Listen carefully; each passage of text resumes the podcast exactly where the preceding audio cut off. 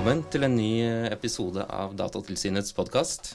I dag skal vi snakke om eh, vår risikovurdering av Facebook, intet mindre. Og med meg i studio har jeg eh, Bjørn Erik Thon og Veronica Jarnskjold Buer. Velkommen til dere begge. Takk. Takk. Bjørn Erik, kan ikke du si litt om hva dette er for noe? Vår risikovurdering av Facebook.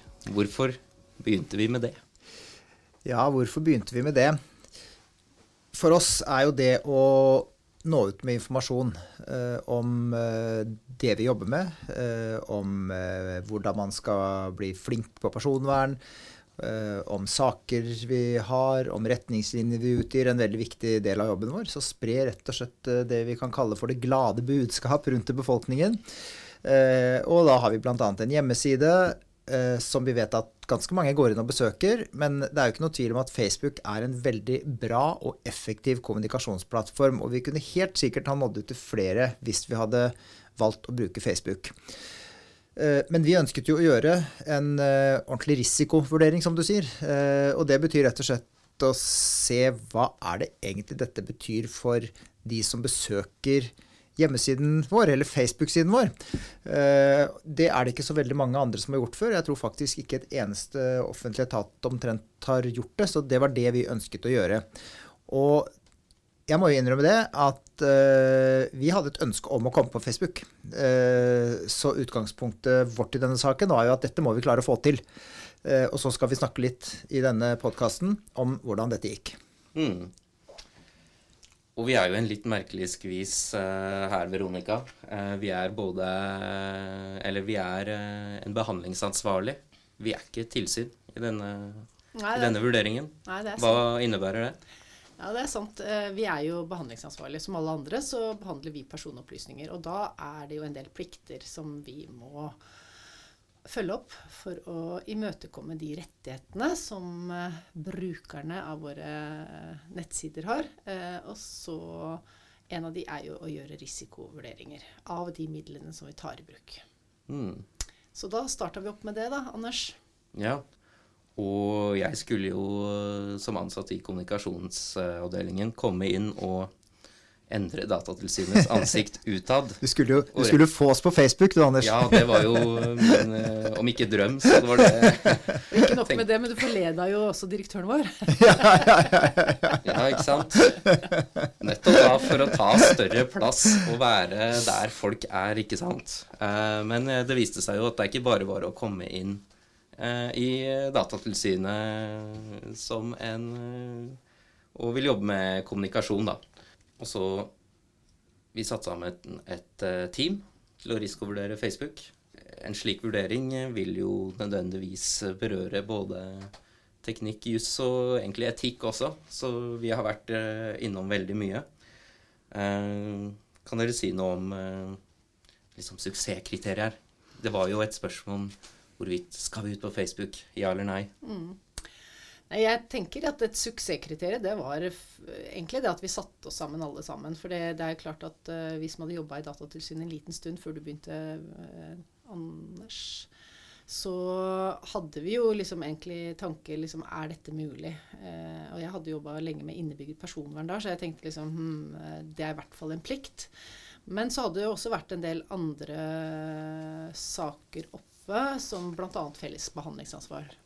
Og den var det veldig godt at vi også fikk inn en jurist. Så det suksesskriteriet her var jo primært at vi satte sammen eh, en gruppe, og at det var forankra i ledelsen at vi skulle gjøre det, og satt av tid til det.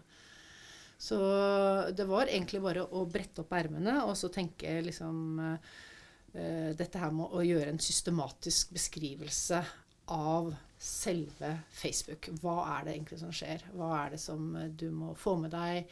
Hvordan eh, overfører de data? Hvem er det som er behandlingsansvarlig?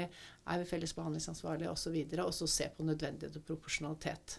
Det var liksom utgangspunktet vårt. Mm. Og da skulle vi gjøre det skikkelig. Ja, det måtte vi gjøre skikkelig. Eh, Bare for å følge opp litt på det, Veronica. Fordi eh, når vi, når vi igjen understreker, dette har ikke vi gjort med tilsynshjemler. Eh, Så vi konkluderer jo ikke at Facebook er en ulovlig tjeneste. Eh, vi har sett på vår bruk av Facebook, det skal vi komme litt tilbake til etter hvert. Men det er klart, når eh, Datatilsynet sier at eh, vi, vi kan ikke på en forsvarlig måte bruke Facebook, så sender jo det noen signaler.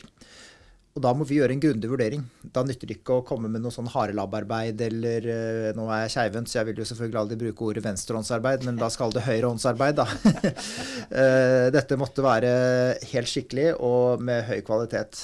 Og uh, det syns jeg vi har fått til, og det er jo derfor vi tror dette arbeidet vi nå har gjort, vil ha stor nytte for andre. Mm. og det er sånn vi jobber i Datatilsynet.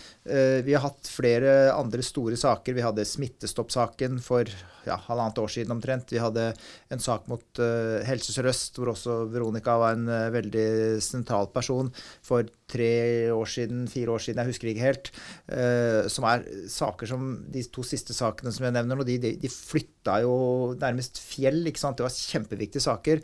Og da må vi igjen gjøre utrolig grundig arbeid, og det gjør vi også ved å jobbe tverrfaglig i stor grad. Mm. Ja, og da sier dette kanskje litt seg selv, da, men hvorfor tror vi liksom denne rapporten, dette arbeidet, er interessant for våre lyttere?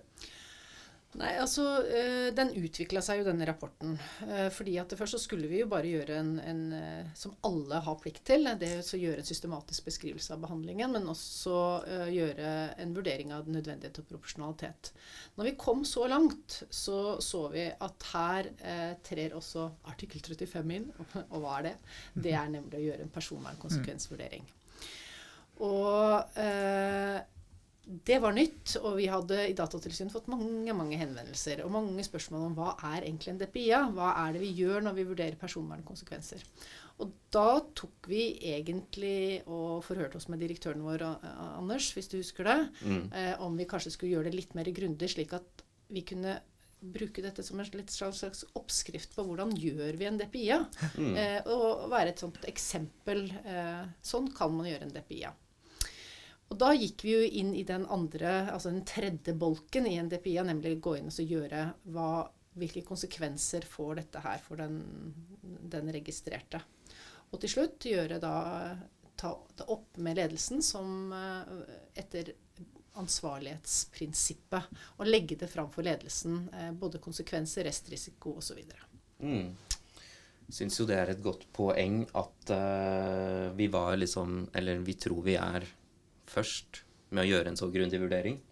Eh, mitt inntrykk er at dette, dette personvernperspektivet er eh, et perspektiv som mangler. Det er jo eh, Når man følger den prosessen og den metoden vi gjør, så er jo det egentlig et innblikk i, i eh, overvåkningsøkonomien. Og noen som allerede har sett dette, er jo våre kolleger i, i Tyskland Kanskje vi kan dra raskt gjennom det, Veronica? Ja, Tenker du da på Facebook og det som kom ut i Digi før sommeren? Ja, og, og Twitter ja. tidligere enn det. Ja. Mm. Nei, altså det som uh, Før sommeren så gikk jo øverste Jeg husker ikke helt hva han heter. nå. Ja, kommisjonæren i Ulrich Kelber, tror jeg. Ulrich Kelber, ok, ja, nettopp. Ja, se der. uh, ut i mediene og så til Tyskland og sa at han forventet at uh, alle offentlige eh, etater og myndigheter de skulle gå vekk fra Facebook. Og det Rett og slett slette sidene sine innen nyttår, ja. hvis jeg husker ja. riktig. Mm. Ja. Og tidligere så var det et annet eh, Om det heter Kanton Det heter Bundesland. Bundesland var det, ja. Mm. Bundesland. Ja, som gikk ut og, og, og uh, forlot Twitter. Eh, også fordi at man ikke kunne stå opp for det.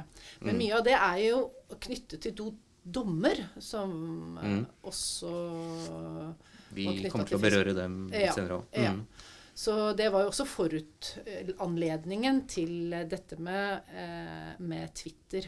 Mm. Når det gjelder Facebook, så tenker jeg også at uh, Tyskland Du skal ikke se bort ifra at uh, Max Schrems 2-dommen hadde kanskje litt betydning med, for det. da. Mm. Eh, som, uh, hvor Max Schrems gikk ut nettopp i forbindelse med Facebook. Mm. Så, og jeg må bare si, legge til én ting der. og Det er jo at uh, denne vurderinga er gjort forut for uh, Max Schrems-dommen. Mm. Mm. Og så er jo også viktig å understreke når vi snakker om uh, det som kom fra Tyskland. At vi går jo ikke ut og forbyr offentlige nettsteder, unnskyld, offentlige etater å bruke Facebook. Vi skal komme litt tilbake til hva vi tenker de nå bør gjøre etterpå. Men det, det er også viktig å, å huske på at dette er, altså når det gjelder bruk av sosiale nettsamfunn, så det, det er fullt av dilemmaer. Eh, og jeg tror nok mange av oss, kan vi vel si, har liksom glidd inn i dette litt sånn uten å tenke seg om hele veien. Eh, og vi har sett at dette er fantastiske kommunikasjonskanaler. Og det er, det er ikke tilfeldig at Facebook har 2,5 milliard brukere, eller hvor mange det er, og 2-3 millioner i Norge, eller jeg kan ikke disse tallene lenger, de går jo oppover også. Uh, og at folk er på Snapchat og de holder på med Twitter og Instagram. Det er, det er jo fordi at det er bra plattformer. Uh, og så har vi liksom glidd, liksom glidd inn i det. Uh, og det er derfor jeg syns det er så fint, og derfor så håper jeg også at veldig mange andre syns at det er fint at vi nå har faktisk gjort en jobb som du sier, Veronica, som kan være et forbilde for andre, som de kan bruke i, sitt arbeid. Mm. Uh, og så får de komme med sine konklusjoner, da. Uh, men det at vi begynner å ta litt uh, Hva skal vi si At vi begynner å ta de en eller to føtter i bakken og tenker over hvordan vi bruker disse svære plattformene, Eh, at tiden kanskje har kommet til det. da, mm. uh, Uten mm. å prøve å være verken sånn etterpåklok eller komme med pekefingeren. Mm. eller et eller annet sånt, For dette er vanskelig, og her er det masse dilemmaer. Mm. mm. En ting, Bjørn Erik. Det synes jeg litt, det var veldig fint du sa. fordi at det, eh, ikke sant, Vi har glidd litt så sakte inn mm. i det, og så er vi så begeistra, for vi deler, og det er jo veldig sånn Eh, og det er litt tankevekkende, eh, syns jeg, å se da liksom også hvor liksom på en måte vi aksepterer at de store teknologiselskapene mm. mer og mer tar av vår, vår privatliv inn også. Mm.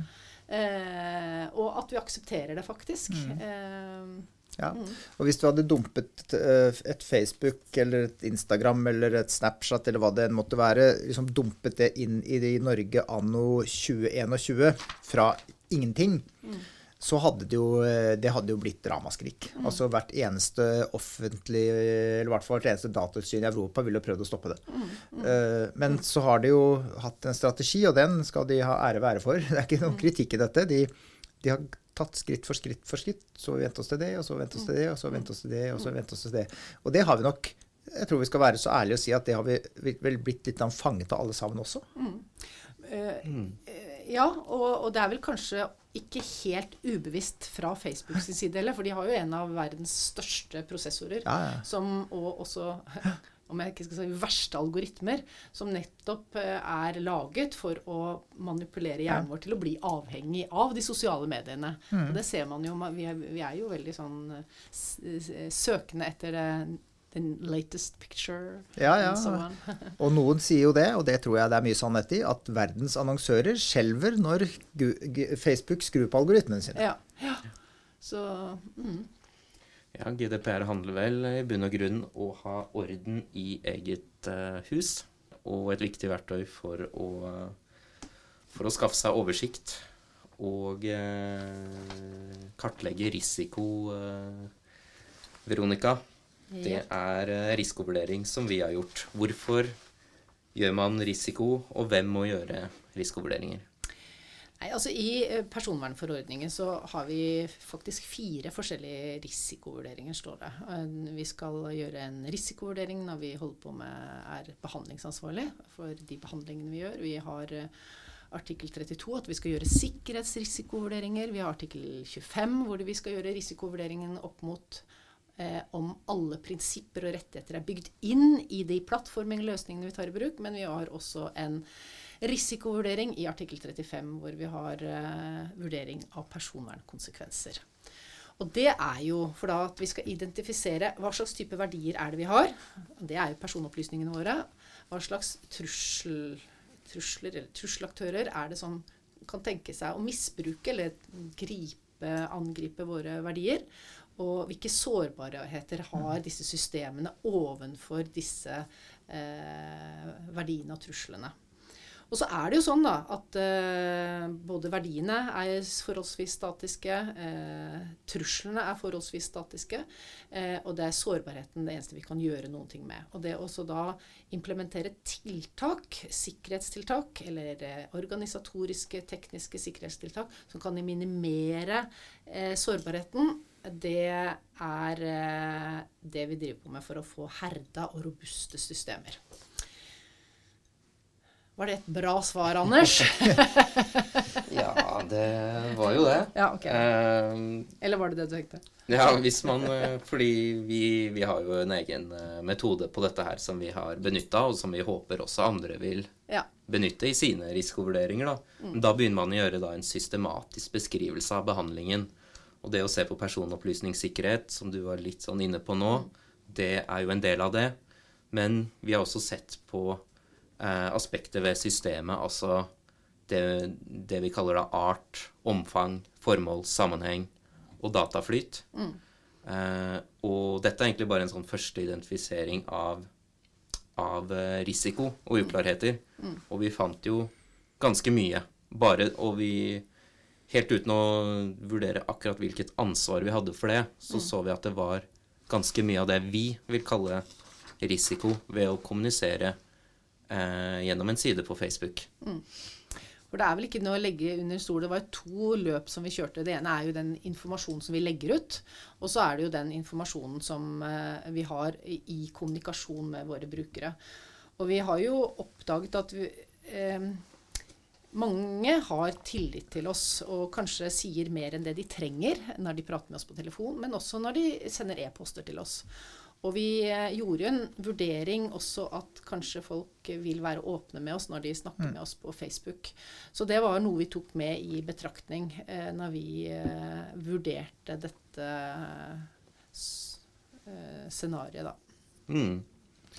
Så tror jeg folk også har sånn som når de, eh, når de kontakt Eller la oss si at de hadde gått inn på, på, eh, på Facebook-siden vår da, for å lete etter informasjon. Kanskje noen hadde trykket 'liker'. Det ville vi jo selvfølgelig ha hoppet på, for det er jo eh, det alle som har en Facebook-side ønsker, at man skal like den. Eh, kanskje de ville delt informasjonen vi hadde der. eh, Bare det at de besøker siden. Alt dette her, hva er det egentlig det genererer av opplysninger? Og, det tror jeg folk hadde hatt en forventning om at vi kunne svare på. Mm. Men det kan vi ikke. Eh, vi, vi vet jo ikke hva som skjer med de opplysningene. Eh, og det er sånn, for meg så ble det helt sånne nøkkelspørsmål. ikke sant, At Facebook vil sitte med informasjon om folk som besøker vår Facebook-side, men vi vet ikke hvilke opplysninger det er, og hvordan det brukes i Facebook. Uh, og heller ikke hva som samles inn, hva de deler. Og bare det å være, det å være prisgitt Facebooks vilkår til enhver tid, altså Facebooks jeg håper å si, Den avtalen du inngår når du begynner å bruke Facebook, er utrolig komplisert, Mm. og den endres hele tiden. Ja. Uh, og der ville vi hatt et ansvar uh, som jeg tror er ganske For oss ville vært veldig krevende å følge. Nettopp fordi det er så vanskelig å forstå hele Mm. dette Facebook-universet, hva det egentlig er for noe. Ja. Ja. Og det var, det var jo kanskje det også som, som vi så på, som når du sier noe, eh, det er jo det at vi så på liksom hva er våre oppgaver. Fordi det var jo veldig fort så så vi at vi hadde et delt behandlingsansvar med Facebook. Og så så vi dette gjør Datatilsynet med opplysningene som dere eh, når dere kommuniserer med oss. Og dette prøvde vi å finne ut gjør Facebook med det. Og det er jo akkurat der vi så det var uklarheter, og det var det vi opplevde også var at vi klarte ikke I beste fall så kunne vi si at uh, dette finner vi ikke ut, eller er det sletta eller ikke sletta. Det er uklarheter der også. Så um, det er Ja, ja for, for akkurat det, det som er det som, La oss si at noen hadde lagt ut eller posta noe på siden vår. Det, kan, det kunne vi moderert sjøl, ikke sant? Altså, akkurat det kunne vi kontrollert. Men, Men, men, det er Facebooks Til en viss grad. Men, til en viss grad. Men, men felles behandlingsansvar handler jo om at begge parter, både Facebook og oss, skal håndheve rettighetene Ja. til de registrerte som bruker, eller til brukerne som bruker sidene våre. Og det så vi at vi klarte ikke å være eh, parate på det. Vi Nei. klarte ikke liksom å si at ja, vi er like gode på å slette alt som dere snakker på på siden deres, som Facebook er. Så eh, de kravene som kom opp i felles behandlingsansvar, eh, klarte vi ikke Nei. å tilfredsstille. Nei, for vi, vi tok utgangspunkt i to eh, eh, dommer fra EU-domstolen. Fashion ID og den som heter Wirtschaftsakademi. Og vi vurderte dette da opp mot artikkel 26 i uh, GDPR. uh, om felles behandlingsansvar. Kan vi bare si to ord om de dommene? Ja, altså Den første dommen det går jo egentlig på at du har en like-knapp. Eh, ikke sant? Eh, Som er På nettsiden. på- Mm. aktiv på nettsiden. Eh, og i den så resulterte det i at eh, uten at de som hadde denne like-knappen på nettsida si, eh, fikk noe eh, goodies eller fikk noen ekstra opplysninger av det, så besluttet, eller fikk dem en dom med at de var faktisk felles behandlingsansvar med Facebook. Og I den andre eh, situasjonen så var det litt likt sånn som vi hadde tenkt å ha det. Vi hadde tenkt å ha en side på Facebook. Og de fikk også beskjed om at uh, de hadde felles behandlingsansvar. Og ut ifra disse to uh, dommene så så vi jo at uh, vi var felles behandlingsansvar ganske fort med Facebook. Ja. Og Eh, dette står jo og- mer grundig i rapporten, Ja. så vi trenger jo ikke Ja. gå altfor nærme inn på det. Nei. Jeg vet ikke om vi skal gå inn på det med at vi lagde addendum. addendum. Jo, for vi Facebook har jo en standardkontrakt Ja. med de som eier side. Eller kanskje vi skal si først at det er et resultat av de dommene. Så ble det akkurat ja. Ja, kjør på. Ja. Eh, Resultatet av de to dommene var jo at eh, Facebook de kom opp med en eh, databehandleravtale med de som ønsket å ha en side på Facebook. Så hva måtte vi Om, gjøre da? med felles behandlingsansvar. Med felles behandlingsansvar. Ja. Ja. Så hva måtte vi gjøre da? Jo, da måtte vi gå inn og lese alt med liten skrift og alle linker i den også, Anders. Mm. Og det var litt av en jobb. Men vi fant jo ut noe lurt når det sto i den uh, databehandleravtalen. den Mm. var jo egentlig litt mangelfull, for den tok jo for seg bare lite grann. Den tar for seg eh, det som heter sideinnsikt, Mm. dvs. Si statistikk om besøk på siden eh, på Face. da. Mm. Eh, og vi kom vel fram til at vi tror vi eh, vil ha ansvar for langt mer. Ja, det er absolutt. Det var langt mer eh, som ble omfatta av det vi gjorde. Og alt på Facebook er jo standardisert, så vi har ikke mulighet til å inngå egne avtaler med Facebook. Ikke at vi har prøvd, da, men uh... Nei, og jeg tror at eh, eh, det at et uh, ja, relativt lite datatilsyn i et uh, verdensmålestokksett bitte lite land eh, hadde klart å forandre vilkårene til Facebook, er nok eh, nesten ikke verdt tiden å forsøke på engang. Eh, det som er interessant, er jo å se om andre kan gjøre det, spesielt hvis man slår seg sammen. Eh, for uh, det er jo ikke slik at et selskap som Facebook heller er uh, Hva skal vi si De, de, de, de kan også være lydhøre for forslag om forandringer og ting som bør gjøres på en bedre måte. Det vet ikke vi hvordan si, Det er ikke noen planer for oss om å gjøre det her og nå. Nå har vi bare gjort denne vurderingen. Men det er klart, det å vise Ja, én ting er forbrukermakt, men noe annet er altså Hva skal vi kalle det for noe? Statlig eller kommunal eller nasjonal, eller hva vi skal kalle det for noe makt. Eh, overfor store teknologiselskaper. Og det gjelder ikke bare Facebook. Det er jo en veldig interessant vei å gå, syns jeg. Eh, for Man som står du- sterkere. Ja, man står sterkere, og som du sa, Anders, GDPR kommer for å endre noe. Eh, og eh, det er jo det som kanskje dette kan føre til. eh, at eh, det blir forandring fremover. At det ikke er så vanskelig å vite hva som skjer med dataene til liksom som f.eks. trykke på lik-knappen til Datatilsynet da, hvis de hadde hatt en Facebook-side. Så uten noe At vi ennå har gjort en da, vurdering av akkurat hva vi vil ha ansvar for, så har vi i hvert fall identifisert en rekke risiko. Vi har altså en, i en ren teknisk beskrivelse vi har gjort en juridisk, juridisk vurdering av eh, hva vi tror er vårt felles behandlingsansvar sammen med Facebook. Eh, da hopper man over på neste steg da i denne eh, prosessen, som det er å vurdere nødvendighet og proporsjonalitet ved behandlingen. Og da ser man på ting som eh, rettslig grunnlag, man ser på personvernprinsippene, man ser på rettigheter, og man ser på friheter. Vi benyttet oss av et uh, rettslig grunnlag som heter uh, interesseavveining. Det vil si at uh, vi setter egentlig våre interesser i da å kommunisere effektivt mot våre målgrupper. Og eh, man kunne jo snakka masse om det, men man setter da opp mot interessen eh, i personvern, da.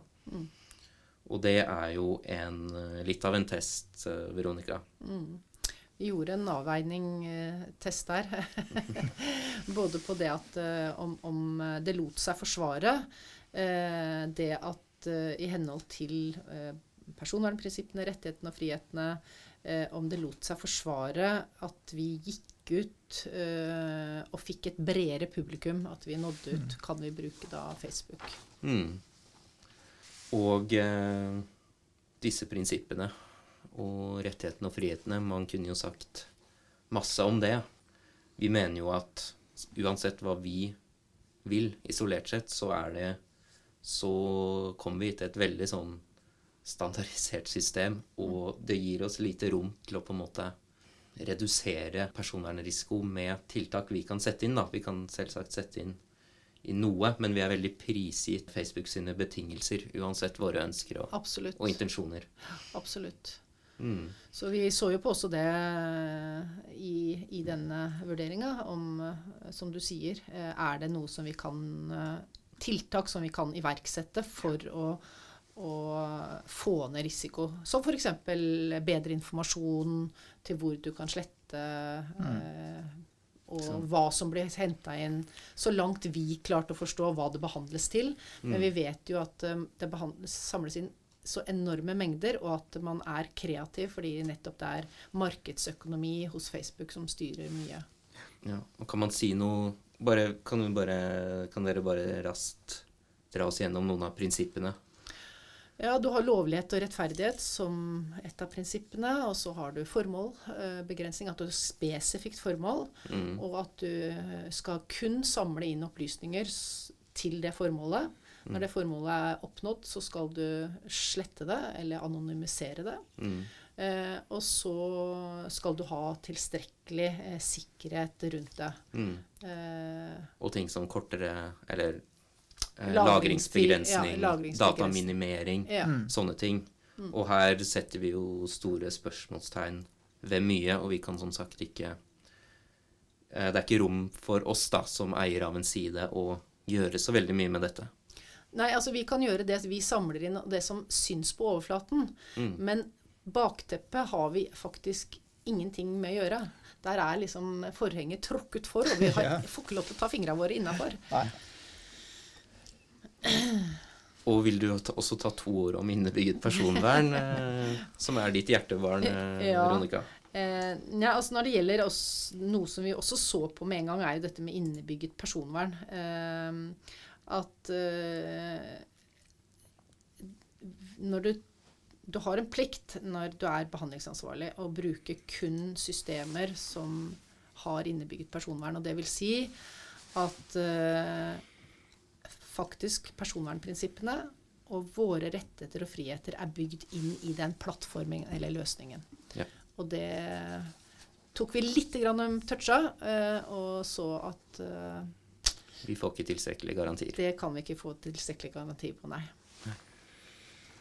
Hvis vi bare hopper litt videre, så ser vi nå at uh, vi mener risiko er høy.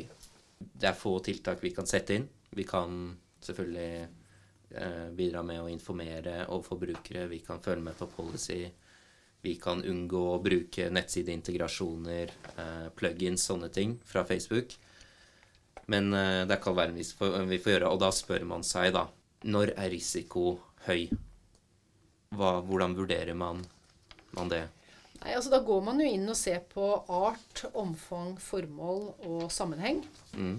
Og ser på er dette eh, Om risiko er høy, så er det, kan, forventer jeg en, et privatliv her. Eh, er det et kontrollformål? Er det særlige kategorier eh, opplysninger? Er det et skjevt maktforhold? Er det liksom alle med én type sykdom, eller er det liksom uh, alle i hele Norge? Eh, det er sånne ting som definerer om det er høy risiko for den registrerte. Så vi endte vel opp med å si at det er høy risiko i alle disse kategoriene. Så vårt uh, neste step da var jo å presentere dette for ledelsen. Ja. For å se hva vi gikk videre med. Og dette er jo selvsagt beskrevet i rapporten.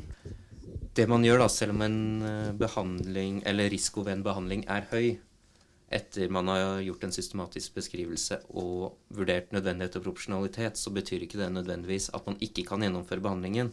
Men da må man over på noen tilleggsplikter. Mm. Dette har jo du jobba mye med, eh, Veronica. Jobba jo en del med det begge to, Ja vil jeg trygt si. Så da ser vi jo på om, eh, om det er en åpenhet i behandlingen, ikke sant? Om vi kan eh, Om det er eh, en eh. Nei, Skal vi se, det er uh. Man vurderer egentlig Man snur jo perspektivet og ser er- behandlingen fra den registrerte synsvinkel, Ja. og, ikke, og ikke fra vår Ja. eh, perspektiv som behandlingsansvarlig. Og da ser man på åpenhet, reell medbestemmelse i behandlingen. Man ser på forutsigbarhet, og man ser på tillitsskapende tiltak man kan sette inn. Ja. Eller i hvert fall at det tillitsskapende tillegg Det, er liksom, det skaper tillit hvis du har disse, disse tre på da. Ja. Veldig bra at du husker DP9, altså, Anders. Jeg har vært gjennom det noen ganger, og også her fant vi jo en del forskjellig på de ulike Åpenhet, f.eks. Det er jo så stor og kompleks informasjon som Facebook tilbyr den registrerte. Og også den ordningen mellom oss som eier av en side og Facebook er jo litt sånn Den er både vanskelig å forstå, og den er ikke helt klar, mener vi. Og vi mener jo selvfølgelig vi har ansvar for mer, som vi har vært innom. Og medbestemmelse. medbestemmelse. Facebook gir jo begrensa verktøy til den registrerte, og vi kan heller ikke Vi er jo på en måte prisgitt alle Facebook sine betingelser, så vi har jo ikke det rommet til å gjøre behandlingen Absolutt. bedre og, min, og mindre personverninngripende, da. Mm. Så det blir jo litt vanskelig for oss å sette inn um, tiltak, og også, og også tillitsskapende tiltak, da. Og så har vi hatt personvernombudet per, Råd fra personvernombudet vårt. Mm. Og det var, er jo også en del av det å gjøre en personvernkonsekvensvurdering. Det er jo at vi eh, innhenter eh, uttalelser fra personvernombudet, som eh, egentlig eh, også kom fram til samme konklusjon som oss. Mm. Og så hadde vi også en Vi vurderte jo også kanskje ta inn eh, også, som det står i, i artikkel 35, en, noe informasjon fra de registrerte. Men eh, det ville vi først gjøre hvis eh, ledelsen syntes at det var et tiltak som vi skulle verksette for å, som kanskje kunne redusere risiko. da. Mm. Og det kom vi jo fram til at vi ikke kunne. Uh, og så var det jo noen vurderinger som det kanskje kan være greit å trekke fram, uh, som også var viktig for oss. Og det ene var jo det at vi som datatilsyn Nå skal vi ikke overdrive rollen vår som rollemodell, da, men allikevel så tror jeg nok mange ser litt på oss eh, når man skal behandle data. Absolutt. Eh, og det kan også oppfattes sånn at eh, Datatilsynet da ville vært en garantist for Facebook da når det gjaldt deres måte å behandle personvern på, Ja. dersom vi hadde valgt å ha en Facebook-side. Mm. Uh, og nå sier jo ikke vi at eh, Facebook opererer ulovlig, vi sier bare at sånn som vi har klart å analysere dette, så er vi altfor usikre og for utrygge til at vi tør å gjøre det. Mm. Uh, men uh, så det, akkurat hvordan det der ble, ble, ville blitt oppfattet, det var, var vi veldig usikre på, altså. Mm. Eh, og ikke minst fremover i tid. Eh, hvordan ser Facebook ut om tre år eller fem år eller ti år? Det kommer til å være helt fullstendig annerledes enn det det er i dag. Og hvilke nye algoritmer vil de skape? Nye vi heller algoritmer, hvilke selskaper kommer de til å kjøpe opp? Eh, så det er masse usikkerhetsfaktorer knyttet til det. Ja. Eh, akkurat det, det er det mulig vi kunne ha klart å håndtere. Men det var en del av den ja, store vurderingen vi måtte gjøre, om dette er noe vi rett og slett eh, ønsker å gjøre, og om det er noe vi tar sjansen på å gjøre. Og kobling av opplysninger faktisk også. Som, Ja. ja. Ja. Og finne nye formål for å bruke dem til. Ja. Mm, Ja. Absolutt. Så for å samle trådene litt, ikke sant, så etter alle disse prosessene så gikk du, jeg og vår jurist eh, Veronica eh, Da gikk vi til ledelsen, ikke sant. Eh, og med disse her At vi mente at det var Vi mente det var for høy risiko for den registrertes rettigheter og friheter. Vi klarte ikke å sette inn tiltak for å minimere eller begrense risikoen. Vi, eh, vi mener eh, Vi mener vi er ansvarlig for langt mer enn det Facebook sier at vi er, i den standardkontrakten de tilbyr eiere av side. Og vi kan ikke inngå egne kontrakter. Innebygget personvern setter vi spørsmålstegn ved. Vårt personvernombud tilråda at vi ikke tok i bruk Facebook under, med de funnene vi hadde gjort. Også det etiske som Bjørn Erik allerede har, har tatt opp, da. Men jeg vet ikke om mange forstår liksom hva Kan du si noe, Veronica, om hva som er forskjellen på å vurdere holdt på å si klassisk informasjonssikkerhet og personvernrisiko? Ja, altså det er jo som vi var inne på, at det er eh, forskjellen på eh, å vurdere sikkerhetsrisiko. Da ser du jo liksom på eh, eh, de midlene du tar i bruk, som, som på en måte firmaet ønsker for å gjøre et, eh, oppfylle et mål, altså som et verktøy.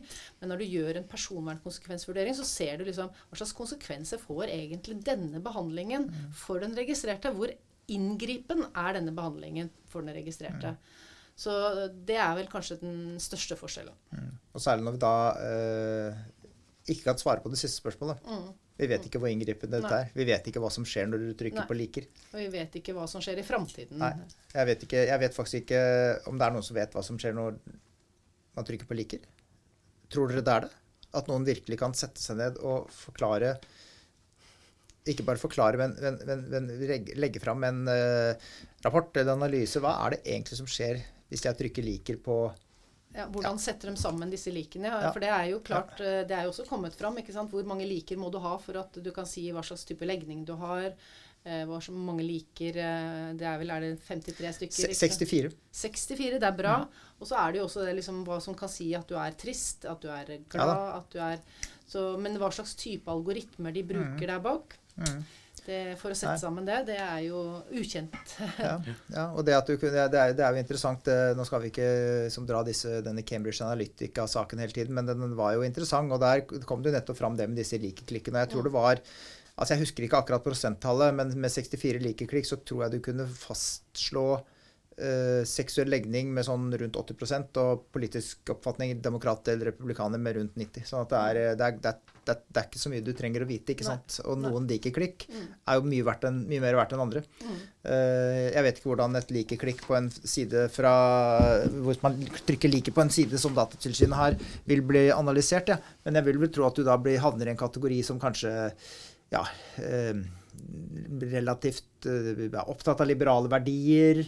Eh, kanskje det sier noe om partitilhørighet, kanskje det sier noe om hvor du bor. ikke sant? Akkurat det siste kan man sikkert finne ut på andre vei, men det er klart, ja, på andre måter, men det er jo mm. Du er eh, opptatt av at du skal ha litt privatliv? Ja, ikke sant. Ja. Du er opptatt av privatliv. Kanskje særing. Og hvis du da samtidig begynner å trykke på ja, hytte på fjellet på et øde sted Ikke strøm. Gammel bil. Da har vi deg med en gang. Da. Vi ja, det er oss.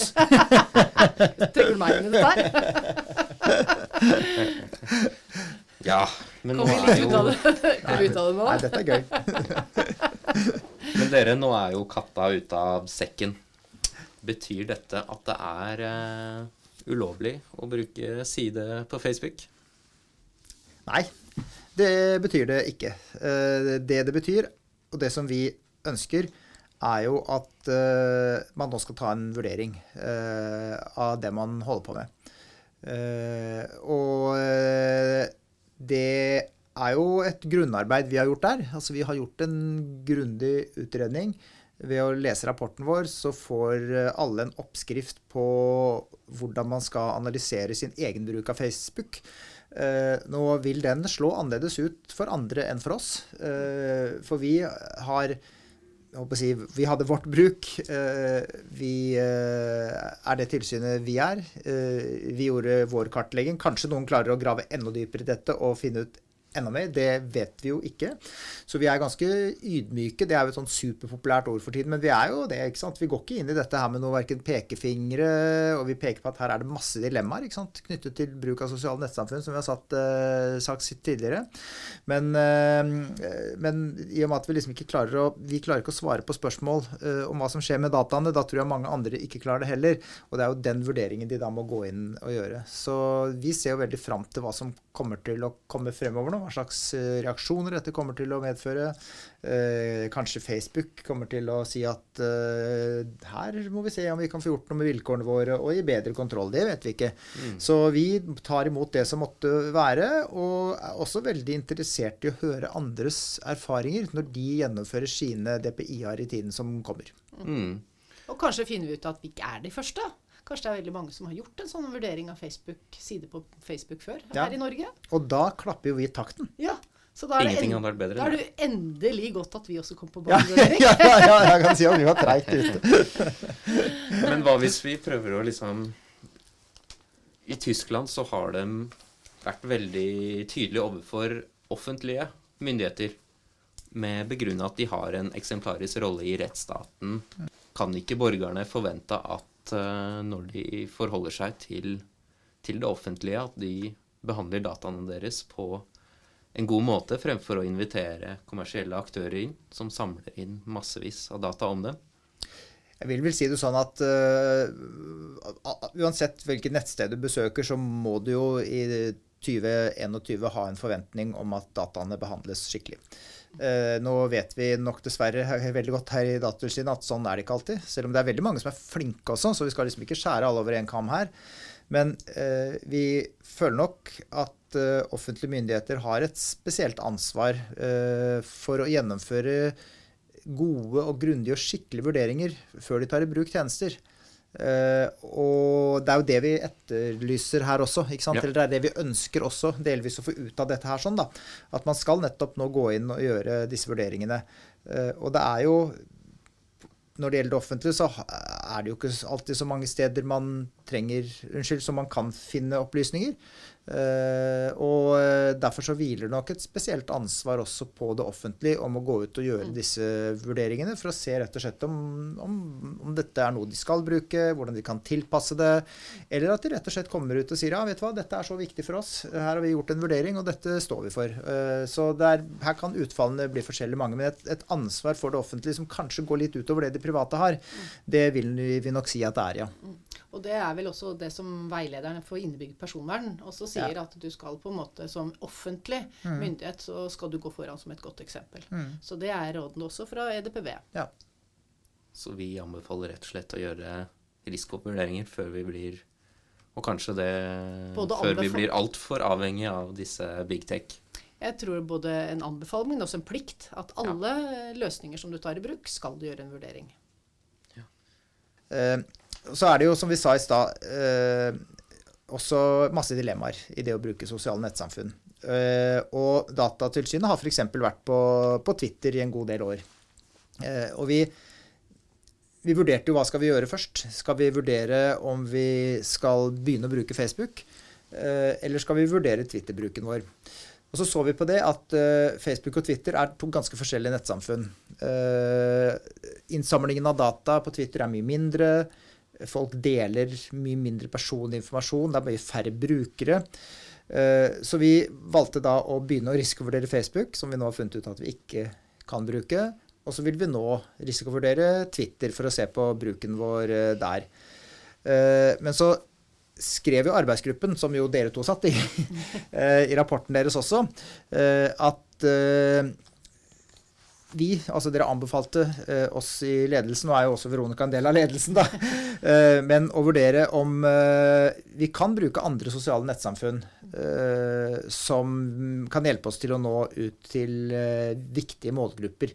For for oss så er jo også det viktig. altså Hensynet til å nå ut med informasjon er jo også viktig for oss også. Ja. Men nå tar vi denne foten i bakken og vurderer om vi skal bruke Twitter. Eh, og så får vi se hva som kommer ut av det. Ja, Vi har jo et stort og komplisert regelverk. Det må jo ut til folk på en eller annen måte, det også. Mm. Alt som skjer på den fronten. Og, eh, og dette med sosiale medier har jo, har jo lenge vært vanskelig juridisk terreng. Er dere enig? Det er veldig krevende, og, eh, og det er jo veldig vanskelig å gi noe klare svar på, på, hvor disse grensene mellom eh, skal og ikke skal går. Hvis vi begynner å vurdere lovlighet, som vi jo ikke har gjort i dette tilfellet her, så er det en vanskelig grensedragning. ikke sant? Sånn at uh, vi skal ikke gå ut her og være skråsikre på noe som helst. Uh, men, men, hvis vi som, Vi må huske på det, som vi har vært innom flere ganger. og det var du som sa det først, Anders, Uh, veldig mye godt personvern starter med gode vurderinger.